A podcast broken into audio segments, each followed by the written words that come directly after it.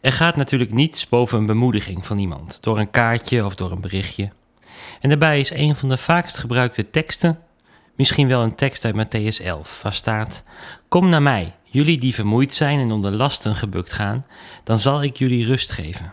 Het is ook een prachtige tekst. Zeker als je, even oneerbiedig gezegd, in de lappenmand zit, als je het moeilijk hebt. Dan Jezus die zegt: Kom tot mij. Wat een bemoediging. Toch is die oproep: Kom tot mij en ontvang mijn rust, niet voor iedereen even gemakkelijk. Mag je bij Jezus dan gewoon komen zoals je bent? Het kan een enorme drempel zijn om in je zwakte om hulp te vragen. En geldt deze oproep dan niet als je het allemaal wel een beetje op de rit hebt?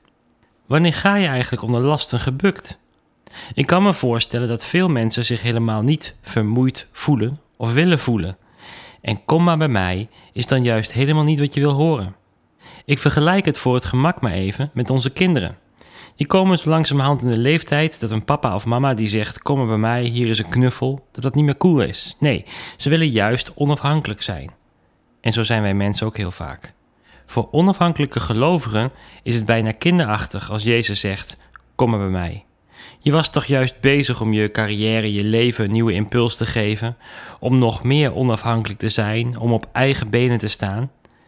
Misschien wel om je te bewijzen voor God, met de beste bedoelingen, sterk willen zijn en juist voor anderen willen zijn. Hoe sta jij erin? Is Jezus, die je uitnodigt om bij Hem rust te vinden, juist een opluchting voor je? Of is het misschien moeilijk, omdat je je op de een of andere manier sterker wilt voordoen dan je bent? Deze Bijbeltekst, die het zo goed doet op een kaartje, staat niet op zichzelf. Het is het evangelie in een notendop. Jezus zegt: Kom maar naar mij, zoals je bent.